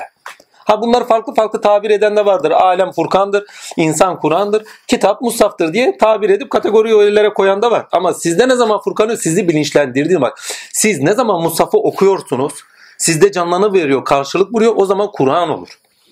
Ne zaman ki yaşantınızı onunla yön veriyorsunuz, iyi, kötüyü, doğruyu, ereğine bağlı yaşamı biraz önce yaptığımız gibi ereğe bağlı yaşam olarak bilinçleniyorsun sizi ve ereğe sevk ediyor. O zaman sizin için Furkan'dır artık o. Taviziniz yoktur ki artık. Hud suresiyle beraber artık bizim için Furkan olacak bu. Şimdi Yunus Aleyhisselam'a gideceğiz biraz sonra. Bakalım oradan ne çıkacak. Ben de bilmiyorum. Vallahi bu hafta dersimi iyi çalışmadım çünkü. Ben bu 10 soruyu Hazreti Resul'ün daha sonra hani ilim 10'dur. Şey o ama ilim ondur, ilim ikidir kurulabilir de yani biraz şey tefsire doğru kayarız. Hani tevil yapıyoruz oraya doğru gitmeyelim. Çünkü ilim ikidir dediği de var. Din ilmi ve sağlık ilmi diye ayrıştırır mesela. O ilim ondur diye tafsilatına işte fıkıhtır, sün, şeydir, efendim ayettir, efendim doğa ilimleridir filan diye de ayrıştırabilir. Ama ne de yani tefsire doğru gideriz işin içinden çıkamayız. Şimdi bir tane daha soru. Buradaki biz şahit kavramını anlamışız. Şöyle diyor. Biraz önce biraz konuştuk gerçi. Rabbin tarafından gelmiş bir delile dayanan ve kendisine Rabbinden bir şahidin izlediği bu söyleniyor. Ayrıca kendisinden önce bir önde ve bir rahmet olarak Musa'nın kitabı elinde bulunan kimse inkarcılar gibi midir? Çünkü bunlar ona, Kur'an'a inanırlar. Zümrelerden hangisi onu inkar ederse işte cehennem ateşi onun varacağı yerdir. Bundan şüphen olmasın. Zira bu O senin Rabbin tarafından bildirilmiş gerçektir. Fakat insanlar bilmezler. Buradaki Bir o-. Bir o şahit Hazreti Resulullah'ın zamanında bir tane Yahudi var. Ve Resulullah'ın bizatihi peygamber olduğunun bilinci de var. Ve bizatihi de Tevrat artık yaşamına geçmiş bir zat var. Şahin olan mıdır? Artık kain veyahut da ne olduğunu bilmiyorum. Gözümüzde önüne olan o tefsir olarak bu tefsire kadar gidiyor da. Yani siyerin siyer üzerinden tefsire gider. Bir odur. Oldu. Ama tefsirine gittiğiniz zaman bak siyerine gittiğiniz zaman zamanında bizatihi Tevrat'ın hakikatine göre yaşayan bir tane hakikatiyle. Diğerleri yaşamıyor elbette ki var ama bizatihi Tevrat'ı özümsemiş bir insan var. Onun gerçekliğini özümsemiş, yaşamdaki gerçekliğini özümsemiş. Allah'a iman eden bir tanık var. Şimdi düşünün kendi elindekine tanık. Birisi daha geldi diyor ki ne ya bana da kitap geldi. Gelmez. Niye? Tevrat var. E, Tevrat zaten gelebilirliğine de işaret ediyor. Böyle bir tarafı da var. Ha, bir tanık daha vardır Cebrail'dir. Getiren, önünde, arkasında, Kur'an'ı getiren kim mi? Verirken tanık olan, alırken tanık olan Cebrail'dir. Onu da bırakın, verilen kişi zaten önünde ve arkasında tanıktır. Yaşadıkları ve yaşayacakları yaşamış oldukları pardon yaşadıkları o zamanında kendi vaktinde yaşadıkları aynı anda eş zamanlı olarak ve yaşayacaklarıyla her şey yine tanıktır. Ve Resulullah'a kendisine tanık olacağının buradaki iki şey. Bir Cebrail tanıktır. iki Resulullah'a da kapı açılıyor. Tanık olacaksın. Tefsir manasını açtığınız zaman orada tanık olacaksın. Çünkü yaşayan yaşadığıyla tanıktır. Bir daha söyleyeyim. Yaşayan yaşadığıyla tanıktır. Getiren götüren tanıkçı Cebrail'dir onu söyleyeyim altını çizeyim. Kendi vakti zamanda Siyer'de diyeyim bir tane tanık olan kişi vardı. Amenna gerçek olduğun bilgisi vardı. Ama Tevrat'tan bir türlü taviz veremedi. Yani Tevrat'a aşıp da yeni olan şeyi kabul edemedi. Öyle birisi her zaman gözümün önünde onu söyleyeyim altını çizin. Bir o kastediliyor Siyer üzerinden bakarsan. Hakikati üzerinden bakarsan Cebrail'in kendisi bizatihi tanık. Ya üç, yaşadığınız şey, hani bunlar neyi anlatır? Yaşadığınız şey tanık olacağınız şeydir. Ve Kur'an tanı yaşamda tanık olunacak kitaptır. Bakın yaşam kitabıdır bu. Yani musaf olarak duvarda duran bir kitap değil. Okuduğunuz zaman yaşam kitabı olduğunu görüyorsunuz. İlkel olarak yürüyorsunuz. Hud Aleyhisselam'ın ismiyle anılan sure üzerinizde tecelli etti. Tamamıyla idealistsinizdir ya. Ne Nuh'un tufanlarında sağa sola kayarsınız. Şu evladımdı, şu şuyumdu, şu karımdı, şu eşimdi. Şu efendim şu kavimdi. Ya Rabbi bunu niye böyle yaptın? Ya İbrahim'in itirazı ne? Ya Rabbi bunu niye böyle yapıyorsun? Yani yapma. Ya Allah'ım yani Cenab-ı Hakk'ın lütfu ihsanında bir amacı var. Amacına doğru yürürken birileri amaçtan saptıysa bakın birileri amaçtan saptıysa zaten diğerler bakın düşünün vücudunuzda bir kanser hücresi var. Ne olur? Eğer tedavisini yapmazsanız bütün insanlık hayatı boyunca yayılır. Bütün insanlık zihniyetini bulandıracak. Bak bilincini, zihniyetini bulandıracak her şeyi yok ediyor. Ama yok ederken de geçmişinde bırakmıyor. Zihniyeti yok etmiyor ama bakın. Uyguya, uygulayıcılarını yok ediyor ve bize ibret olarak dönüyor. Halen zihniyet devam ediyor ama. Şuayb'in kavmi yok mu? Bir tane değil binlerce. Musa'nın kavmi yok mu? Bir değil binlerce. E, Firavun dediğimiz, Karun dediğimiz, Lut'un kavmi. Bir değil binlerce var. Zihniyet devam ediyor. O zihniyeti gördükçe bilinçleniyoruz. Bu zihniyet evvelde böyle olmuştu. O zaman böyle olmaması gerekiyor. Kendimize ders çıkartıyoruz. Şimdi güne dönelim. Orada söylenen zihniyetlerin tamamına gidin. Yani putlar, müşrikler değil mi? Dışarı dayanağını dışarıda alanlar sonunda yıkıldığını görmüyor muyuz biz? Şu andaki psikolojik rahatsızlıkların tamamı nedenlerine bağlı olarak sebepler dairesinde yaşayan amacı olmayan insanlar. Amaç bütünler insanı çünkü. En kötü amaç bile olsa insanı bütünler. Sağlıklı kılar. Şifa dahi bütünlüğünü sağlamak demek değil midir demiştik hani. Şimdi bu bağlamda bakın erek de şifa verir zaten. Kur'an da zaten şifadır. Sizi ereğe taşıdığı için bütünlüğe taşıyor. Zaten doğal olarak psikolojik olarak sağlıklı olduğu için vücut olarak da sağlıklı olursunuz. Ya efendim böyle dediniz ama geçenlerde büyük grip yaşadım. E senin potansiyeline ait bir şey vardır onu çıkartmaya çalışıyordur. Hatta tamam amaca doğru giderken seni başka bir yere taşıyordur. Yani amaç dediğimiz birçok mertebe, makam, hal var. Bir makamdan bir hakka giderken senin potansiyellerini genişletiyordur. Elem ne şekilde kesadına. Göğsünü geniş kılmadın. O göğsü genişletene kadar başından ne geçtiyse. Şimdi hepsini günümüze şimdine taşıyın. Hiç duygusal tepkileriniz sebebiyle taviz verdiğiniz olmadı mı? Yaşam ilkelerinizden, prensiplerinizden olmaz diyor. Veyahut da hiç böyle bazen insanların içinde böyle bakın nefsi sapkınlığa doğru sevk edici haller verir. Herkes de olur bu. İstisnası kaçar kuçar yoktur. Yanında bir tanesi otursun oturduğun hali vurur gene olur. Kendisinde yoksa dahi. Aynı anda onları bakın o hali helak etmeniz lazım. Helak etmezseniz bilincinizi ele geçirir. Ondan sonra siz gidersiniz güne. Yani bu haller sizde tezahür etti mi? Mesela ticaret yapıyorsunuz. Adamın malından çalacaksınız. Ya 100 gram eksik tartayım görmediler ha. Herkesin içinden geçer. Geçtiği zaman kafasını vuracaksın. Çocuklara bile söylüyorum bak 10 gram fazla tartın eksik tartmayın. Ya görmediler şunu şuradan vereyim. Kat diye. Allah görüyor.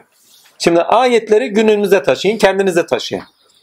Ya yolda yürürken taviz verme diyor. Çoluk, çocuk, eş, değil mi?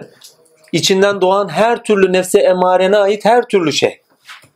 Sakın diyor bunlara aldırış etme seni ereğinden koparmasın. Bunların boyunlarını vur. Yoksa boyunlarını vurmazsan kendinde seni yoldan saptırır. Amaçtan saptırtır. O zaman ne olur? Geri amaca dönmek için başına bir bela gelmesi lazım. Yani seni uyarıcı bir şeyin başına gelmesi lazım. Bu sefer felaketlerle seni uyarıyor. Ya. Yerden su akıyor, gökten su akıyor, fış fış fış fış. Yer suyunu tut, gök suyunu tut deyince iyileşiyor adam. Ya. An, duygusal olduğumuz zaman da öyle. Fış buradan, fış buradan değil mi? Tatil. He. Bir de cırcır olduysak bitti zaten. Yer suyunu tut, gök suyunu tut. Tandır kızıştığında ilkeye bağlı hasretimiz, hüzünlerimiz, oraya taşıyıcı kuvvet daha da kuvvetlenir bizde. Ama bir bakıyoruz sebepler dairesi bizi aidiyetlerde çekiyor. Oğlum, evladım, katiyen diyor. Senin tandır kızışmışken diyor sen yolunu tut diyor. Eğer diyor sen sebeplere geri dönersen yoldan olursun. Allah'tan olursun demektir. Allah esirgesin. Ha bu şu demek değil. Bakın tamamıyla bize idealist olmamızı söylüyor. Ammenna. İdealist oluyoruz. Ha buradan bir soru daha var mı? Buradan geçeceğim çünkü. Ha, tamam soralım ondan sonra. Hı hı.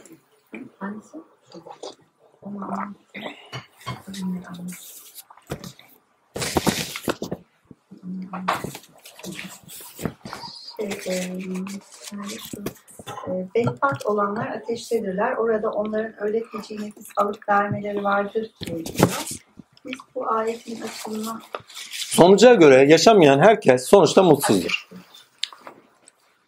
Mutsuzluk bakın cehennemin özelliği ne demiştik? Aziyete düşmek, mutsuzluk, huzursuzluk. Değil mi? Yani cehennem bakın, cehenneme bakın. Cennetin özelliğine selamet, huzurlu olmak, mutlu olmak değil mi? Mutluluk südur, içeriden gelir, kıpır kıpır. Değil mi? Sizi mutsuz kılan şeyler genelde hep dışınızdan gelir. Ha, bahar ki, ki şey olarak kimyasal olarak mevsimlerden geçerken içeriden gelen sıkıntılar hariç hani. Hani sonbaharın kendine ait sıkıntılar olur, ilkbaharın kendine ait sıkıntılar olur, şu heyecanla filan. Üstelik şu anda Mayıs ayına giriyoruz, sa- sakarlık ayına giriyoruz. Çünkü doğa o kadar değişiyor ki yani algılarımızı zayıflatır böyle. Sakarlıklar çok olur. En çok sakarlığın olduğu şeydir. Mesela yazdan sonbahara giderken bela ayıdır mesela. Üzerimize sıkıntılar çok gelir mesela. Bela ayıdır demem daha çok böyle öngörülerimiz kesilir. Ufak tefek şeyler yaparken birçok şeye sebep veririz. Belalara sebep veririz. Bak yazdan, bahardan şeye doğru geçerken sonbahara geçerken, şey yaza geçerken Mayıs ayında daha çok sakarlık ayıdır. İnanılmaz sakarlıklar olur. Elimiz ayağımız tutar çünkü vücut kıpır kıpırdır zaten. Yazdan kış sonbahara ve sonbahardan kışa doğru giderken genelde Eylül Ekim ayı daha çoktur o. Eylül'de de olur. Orada da belalar daha çok gelir. Yani müminlerin en çok sıkıntıları sonbahardadır. En çok sakar oldukları ay bahar ayıdır. Baharın sonlarıdır. Enteresandır. Bütün insanlarda da genelde olur bu. Vallahi ben çok denedim bunu. Ha şimdi demek istediğime getireyim. Soru neydi? Onu ilk önce alayım. Soru şeyler hani Ha. bedbaht olanlar ateştedir. Çok basit. Amacına doğru yürümediğin şey, amacına vardırtmadığı için sonuçta onunla yüzleşeceğinden sebebiyet, hak ile yüzleşeceğinden seni bettah eder. Bunu en basiti biraz önce konuşmada anlatmıştım. Yaptığınız şey sebebiyle vicdanınızla kendi üzerinizde döndüğün zaman bir pişmanlık hissedersiniz ama aynı anda sezgisel olarak yaptığınız şeyin şeyleri de ne yaptıysanız artık onun da öngörüleri size gelir ve sizi yakar. İki türlü yanlış var. Bir yaptığınız şeyden dolayı pişman oluşun yanlışı var. İki nelere sebep verdiğinizin öngörüsü oluşur sezgisel olarak. Sizi yakar. Burada nefes alıp böyle böyle feci nefes alıp verirler diyor. Hani öyledir. ise- Biraz önceki bak biraz önce anlattığım hali düşünün. Öyle bir nefes alırsınız ki feci alırsınız. Ne yaptım? Hmm. Kesilir hatta. Ya, ne yaptım? Farz et ya çok büyük bir yanlış yaptınız. Ve sonuçlarını öngördünüz. Görmeden önce ilk önce ne yaptım diye kendinize dönersiniz. Hemen arkasında bir mukabil ne yaptım? Yani geleceğinize bakarsınız çünkü başınıza gelecekleri öngörüyorsunuzdur. İş hayatınızdan düşünün. Nasıl bir soluk alırsınız orada? İki teori. Bir, kendi pişmanlığınız. İki, olacaklarının size zahmet vermesi. Cehenneme kendi kendinize attınız yani. Kimse atmıyor ya. Başka? Şimdi şu, e, 108. ayette şöyle diyor. Mutlu olanlara gelince onlar da cennettedirler. Hı? Ha, bunun ahiretini de düş. Özür dilerim. Bunun ahiretini de düşünün. Fark etmiyor. Ahirette de öyledir. Bir yaptıklarından dolayı pişmanlık, yaptıklarının sonuçlarıyla karşı karşıya kalmanın verdiği acı. Ne büyük zarara uğramışlardır. Zarar ayetiyle okuyun onu. Zarara uğramışlardır ayetiyle okuyun net oturur o zaman. Hı hı. E, onlar cennettedirler. Rabbinin dilediği hariç, burası Hı hı. çizdik. Gökler ve yer durdukça altını çizdik. Onlar da orada ebedi kalacaklardır. Bu nimetler Rabbinin dilediği hariç direkt devriyeye geri döner demektir. Şimdi demek ki Rabbin dilediği hariç sonsuza kadar orada kalacak diyor değil mi? Evet ama birileri hariç. Ama gökler ve yer durdukça diyor. Yani ce- cennet ya da cehennem. bazıları gidecek. Yani burada bizim- benim anladığım işte gökler ve yer durdukça onlar cennette kalacaklar. Mutlu olan tayfa kimse. Hı hı. Ama Rabbinin dilediği hariç olanlar kalacak. Şimdi ce- hem cennetteler ama Rabbinin dilediği hariç bazıları oradan tekrar çıkartılacak. Yani bu Vallahi tefsirlere gidiyoruz bu zaman. Ta, tefsire gidiyoruz. Tefsir olacak şimdi ama olacağını söyleyeyim yine de. Cennetten cennetlere geçiş yok. Daha üstün bir cennete geçmek için buraya geri bulunduğunuz cennetten geri gelmek zorundasınız. Burası geçiş yeridir. Makas derler buraya. Dünya bir makastır. Hani tren yolları makasları olur ya yön verir. Bu makasa çünkü her şey karşıtıyla burada yaşanır. En yetkin şekilde. Yani cennet, cehennem, şeytanlık, rahmaniyet. Şimdi cennete gittiniz şeytan var mı? Yok. Karşıtınız var mı? Dostlar var, dayanaklar var değil mi? Allah var bir de. Nimet içerisindesiniz. Nimetler üzerinden hakka yürüyüş olmaz. Cehennemin kendisi üzerinden hakka yürüyüş olur. Yani burada zillete düşmeden, dibe vurmadan ilahiyatta yükselme olmuyor. Onun için eğer bir cennetin nimetleri bir kişide tamamlanırsa Rabbim onu geri gönderir. Bazen o cennetin sahipleri ise onlar, sahipleri altını çizerek söylüyorum, sahipleri ise ümmetleriyle beraber geri gönderilir. Eskiden bunu şöyle derler daha kibarca, ailesiyle beraber gelir. Yani geçmişte kimlere söz verdiysek aile olarak, geçmişimiz dediğimiz sonuçta gideceğimiz yerde olanlardır. Ama sonuçta yepyeni bir cennete taşınıyoruz. Buraya gelişin bütün mantığı daha yüksek derecede bir şefaat çarkında daha yüksek dereceye ermektir. Evet hizmet için gelip gidenler var. Hizmet ederken dahi daha yüksek bir dereceye erer. Gezip gelmeye gidenler de var. Hani geziyorlar, tozuyorlar vesaire. Öyle gelip gidenler de var. Ammenna. Onlar da gezip gelirken daha fazla bilinçlenerek daha yeni bir yere eriyorlar. Yani sonuçta mantık hep daha iyiye taşıyış. Hep daha güzele, teka- yani tekamülde her zaman daha iyiye gidiş vardır. Bir daha geliş varsa daha iyiye doğru gidiş içindir o. Geliş gidiş o noktada takdirle çok önem arz ediyor. Yani bir insan e, cennet bir daha söylüyorum cennetten cennete geçiş yoktur. Allah ola ki murat etti. O murat ettiği bir daha döner gelir. Eğer kavmi varsa ailesi varsa onlarla beraber gelir onlarla beraber gider. Ama ayrı ayrı yerlere dağılırlar. Nerede olursa olsun en sonunda birbirlerini bulurlar. Bir de baktım ki babamı görmüştüm. Vallahi diyorum ya. Geçmişimi göstermişlerdi. Tak anne karnında rahme düşerken daha yanımda duruyorlarmış. Dedim pes. Tamam anladım. Nereden geldiğimi biliyorum. Yani karşıda Metin Baba vardı. Lütfü Filiz vardı. Kepter Dede vardı. Var oğlu var karşıda. Halen de var. Ama beni 6 ayda kafeslediler. 19 yaşındayım. 18,5 19 19,5 yaşları. Tam hatırlayamıyorum.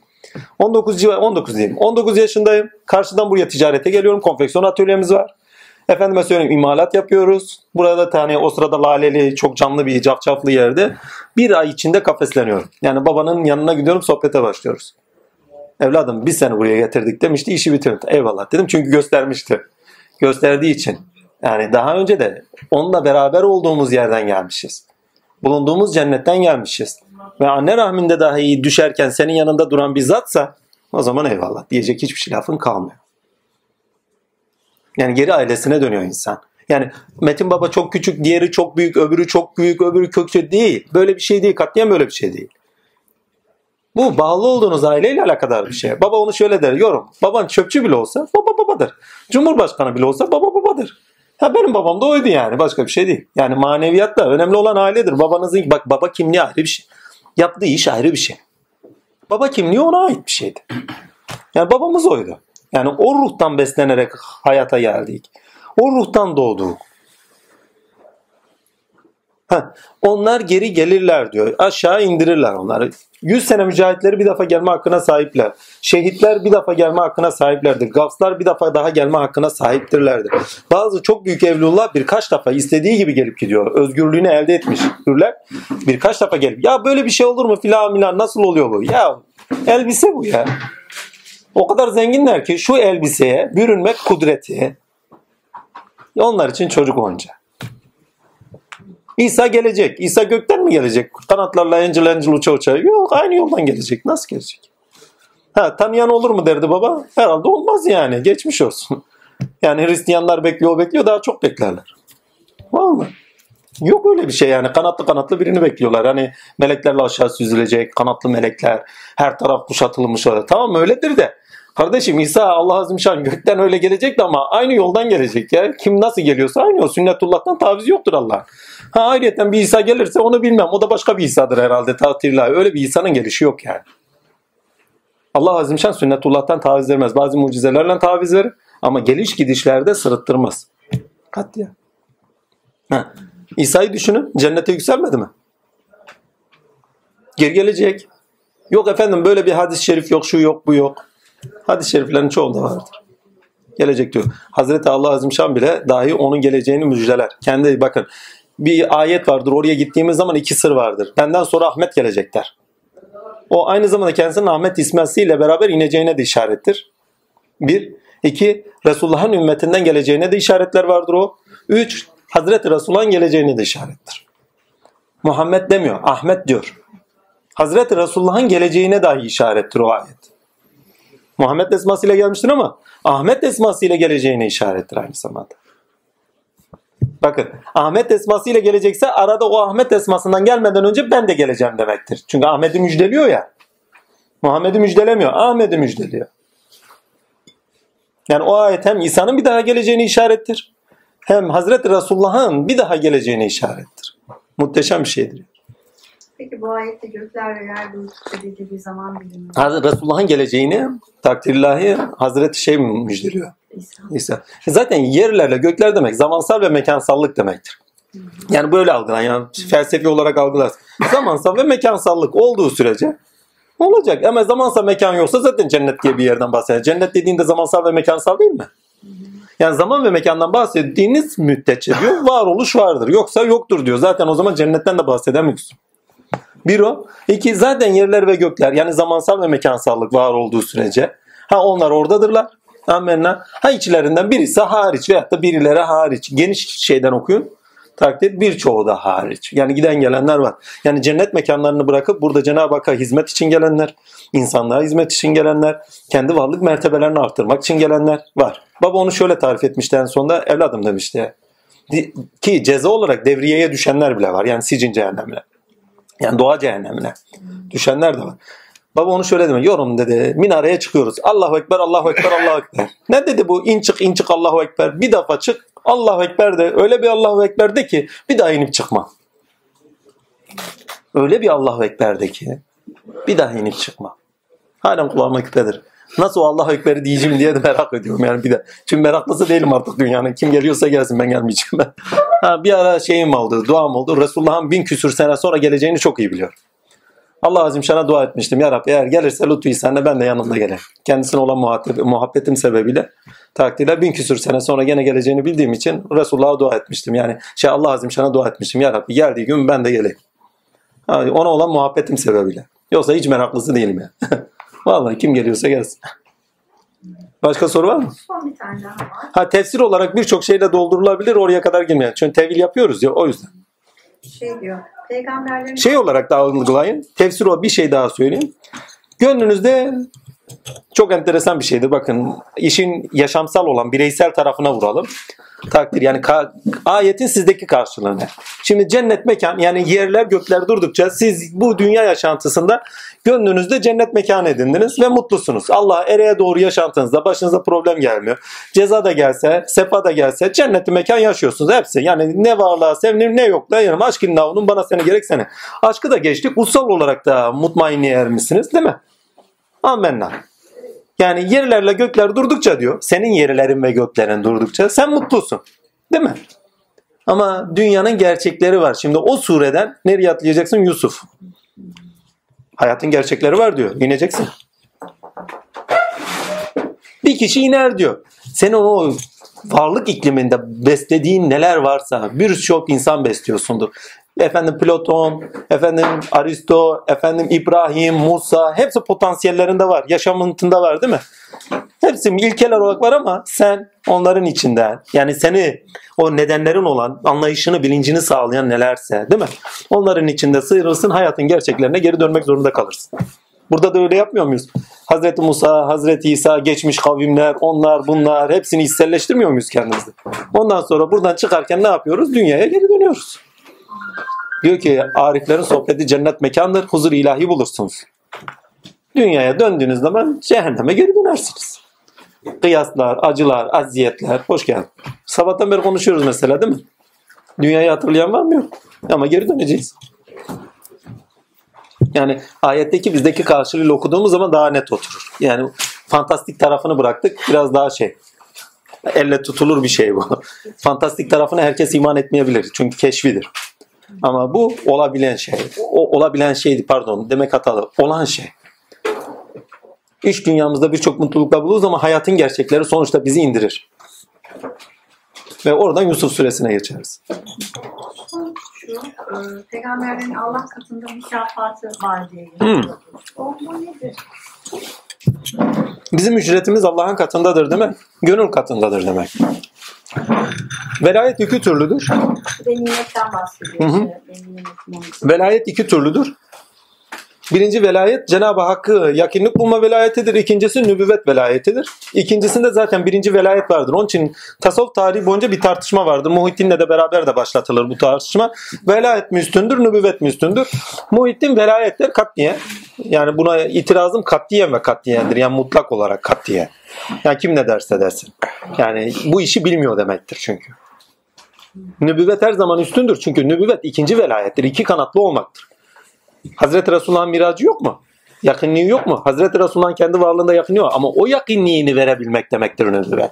Yani her peygamberin kendine Allah Azimşan'la ait olan sıfatıyla velayeti vardır. Aynı zamanda o velayetini risal etmesi sebebiyle de nübüvvetinde velayeti vardır. Bunu şöyle düşünün. Bakın insan kendi potansiyelleri uyandırışıyla birinci velayetini bulur. Ama ürün vermediği sürece kendi velayetinde batındadır. Hüvel batın hüvel zahir demiştik değil mi? Zahire çıkmadığı sürece velayeti, yakinliği, kendisinin potansiyel sıfatı o ürettiği üzerinden kendine dönüşü olmaz. İkinci bilinçleniştir vela, iki nübüvvet. Ve verirken kendisinden verene tanık olmaktır. Bilmem anlatabiliyor muyum? İşte Muhittin abi onu şey diyor. E, yani nübüvvet kalktı ya şu anda. Hani bir peygamber yok. O öyle Ne peygamberler geliyor gidiyor. İsmi peygamberdir. diyor. Yani hani velayet Ha, mürşid-i asıl- kamiller hep öyle. Asıl olan velayettir diyor. Devamlılığı olması için. Katiyen ona katılmıyorum. ben. Nübüvvet de devam ediyor. Yani nübüvvet de devam eder. Bakın peygamberlik olarak devam etmez. Velilik olarak nübüvvet devam eder. Mührü ilahidir. Mührü ilahi yerinde bitirmez bir şeyi sonlandırmaz. Sonlandırdığını açı açı devam ettirir. Yani Resulullah'ta bitmemiştir. Resulullah ona açılmasına sebebiyet vermiştir. Peygamber olarak bakın aşikar tebliğin son peygamberidir. Talebe ve vecedenden neler geliyor? İsa geliyor. Bak peygamber geliyor. Muhammed Mustafa geliyor. E, Geliyor. Demek ki peygamberler geliyor. Sultan Süleyman mı gelmedi? Davut mu gelmedi? Vallahi size desem ki şunlar şunlar şunlardı diye şaşarsınız bile. Kimler var kimler? Demek ki peygamberler geliyor. Ha, eski görevlerine asliyetiyle gelmiyorlar ayrı mevzu. Biraz önce bile geldiklerini söyledik. Ha, bir daha söylüyorum. Ürün vermediğiniz sürece edimlerinizde ve ürün ver bakın. ilkesel olarak edimsellik göstermediğiniz sürece ve ilkenize bağlı olarak ürün vermediğiniz sürece hiçbir zaman kemalat ile kendi sıfatınızın bilincine eremezsiniz. Mesela ben musavirim. Değil mi? Farz et öyle anlar. Ben musavir değilim de ha, musavirim. Allah musavir olan Allah. Musaviriz ama musavir olarak ha Cenab-ı Hakk'a yakın hissediyorum kendimi değil mi? Vay her şeye biçim veren bak fenasındayım. Kendimde de biçim verme var ama bunu dışarıya veremiyorum. Musavvirliğin her türlü alanını biliyorum. Her türlü alanını zevk etmişim. Kendi aklımda, düşüncemde ilmen yakin, yakinlik bulmuşum. Aynel yakin tanık olmuşum. Hakkel yakin kendi üzerimde de tanık olmuşum. Ama ürün yok, edimlerinde de gösterme yok. Ne anlama geliyor? Kısır. Çıkmaz da. Velilik olarak kendinde cennetini bulmuş. Ama cennetini kimseye daha açamamış. Bir. Verdiği zaman verdiği kişi üzerinden kendine ayna bulamamış. Veren ele tanık olamamış daha. Kendisinin dışında verene tanık olmuş, kendisi fani hale. Kendisinden verip de bakiye varamamış. Kendiniz sizden ve bakın siz velayetteyken size verir Allah. Allah sizden verirken verirken ona tanıksınızdır. Nübüvvet onun için üstündür. Sen atmadın Allah at diye gidin. Yaşarken. Yaşarken ya ürünlerinde, edimlerinde her türlü durumunda. Muhteşem bir şeydir o. Ne zaman o ürünü veriyorsun o ürünün Allah verdiğini tanık oluyorsun. O zaman o ürün seni bir daha inşa ediyor. Yani sanatçı sanat eserini yapmaz dediğimiz noktadır. Sanat eseri sanatçıyı sanatçı kılar. Ama ürün vermeden de sanatçıya sanatçı diyemezsin. Onun için nübüvvet iki türlü bakın iki kanatlı velayettir. Hem potansiyelinde Allah'a yakındır. O sıfatları uyanmıştır. Esma-i Has'ta uyanmıştır. Ama Esma-i Has'ı icraat görüyordur. Esma-i Has da kime ait? Allah'a ait. Allah Azimşan onun üzerinde, o sıfat üzerinde iş görüyordur. Artık risalete taşımıştır. Onun için nübüvvet iki türlü velayettir. Onun için sadece velayet kısırlıktır. Kendi iç potansiyel batında kalmaktır. Artık dışarıya çıktığı zaman o sıfatıyla ha işte o nübüvvettir. Verdikleriyle, ürettikleriyle, inşa ettikleriyle kendini görür, kendini bilir. Eminlik en üst safhadadır bak. Velayetli şüpheleriniz olabilir bak. Acaba benden mi şöyle mi? Nübüvvete taşındığınız zaman da sizin üzerindeki sıfattan katiyen şüpheniz olmaz. Çünkü yaşıyorsunuz. Yaşıyorsun. İsa yaşadığında şüphelenemez. İmkan yok. Onun için nübüvvet her zaman ileridedir. Ha. Onun için derler ki ne? Peygamber sofrasında oturmak lazım.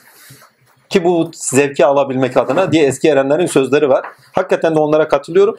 Yani insan birinci basamakta velayete ermeli ama ikinci basamakta nübüvvetten mahrumsa nübüvvet dediğimiz nebilik bakın zamanın kutupları, gavsları gavstan daha çok kutbul irşadı nübülük, nübüvvet mührü üzeri var olan kişi demektir. Yani peygamberin mührü üzeri demektir. Zamanın kutbul aktabı, mürşidi kamili kimlerse bunlar zamanın aynı zamanda peygamber efendimizin nübüvveti mührü üzeri demektir. Zamanına mana verenler, üretenler demeklerdir. Yani o mührü aynı zamanda eylemlerinde gösteren yani sadece velayetleri yoktur. Aynı zamanda ürettiklerinde varoluşları vardır. Yani böyle bir taraf var. Yani bitmiş değil nübüvvet. Kapıları değişiyor sadece. Bakın son kutubu yani bir cami yapıldı o baba onu şöyle derdi. Diyorum bir tane araç yapılıyor. Bu prototip. Bunun daha ilerisi yok diye bir şey yok. Peygamber Efendimiz son mühür olarak yani Adem'den Hatem'e son mühürdür. Ondan sonra kimse gelmeyecek anlamında değildir. Kendisi bile geliyor peygamber olarak. E bileni kim? Artık peygamberliğe aşikar değil o kadar. Ama o peygamberliğe gidiyoruz. Bizde öyle oldu. Bilmiyorum başkasından. İsa geldi bana. Hadi İsa Muhammedi olarak geldi farz edelim. E kendisine gittiğimiz zaman bir peygambere gitmiyor mu? Sadece aşikar tebliğ bitmiş. Ya halkın böyle yapmayın bitmiş. Taleben ve cedene bürünmüş. Kimler talep ediyorsa onlara icabet ediliyor. Aradaki tek fark bu. Yani zahir iken batına dönmüş. Batın olanı da zahire taşımaya çalışıyor. Umumiyete yayıyorlar. Ki olması gereken de budur zaten. İnsanlığın toplumsal olarak ayağa kalkması. Bakın peygamberlik devresi, çocukluk devresidir toplumların. Ya halkın böyle yapmayın ya halkın böyle yapmayın. Çocuğa telkindir başka bir şey yok. Bakın bütün tarihe. Çocuklara telkin yapılıyor. Şöyle yapmayın böyle yapmayın.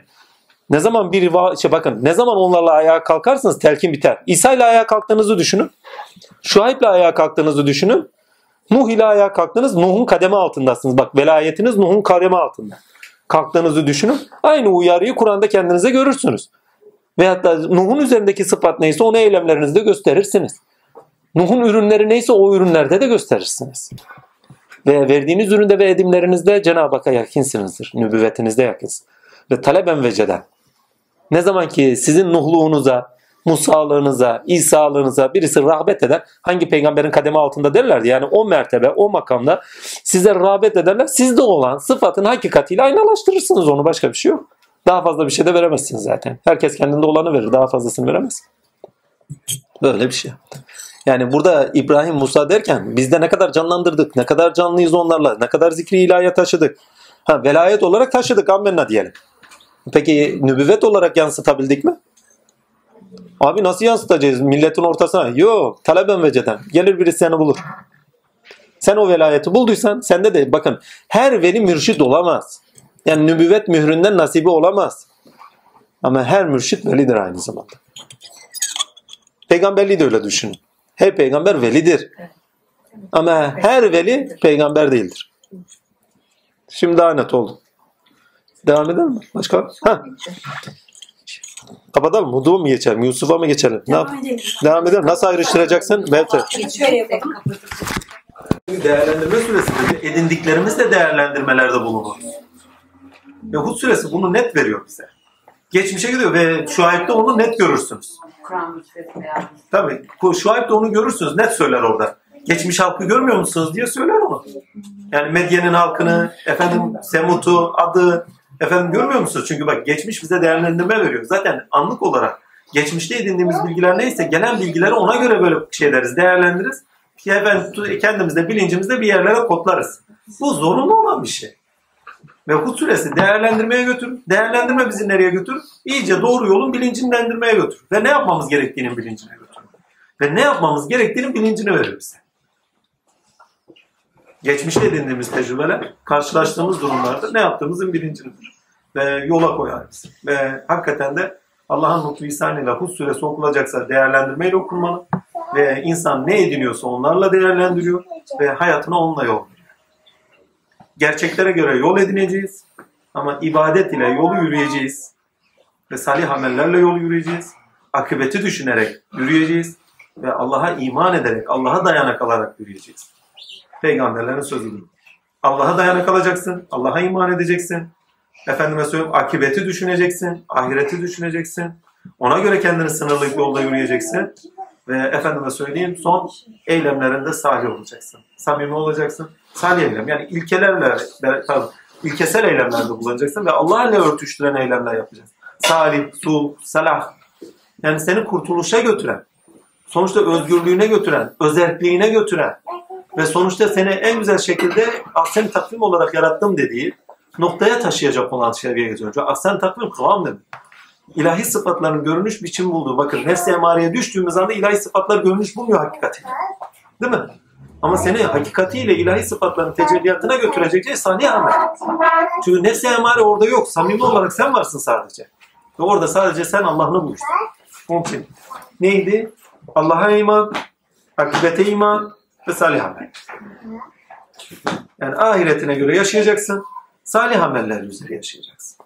Ki hakikaten de Hud suresinde bunların tamamı. Allah'ın selamı üzerine olsun hepsine. Himmetler üzerinizden eksik olmasın.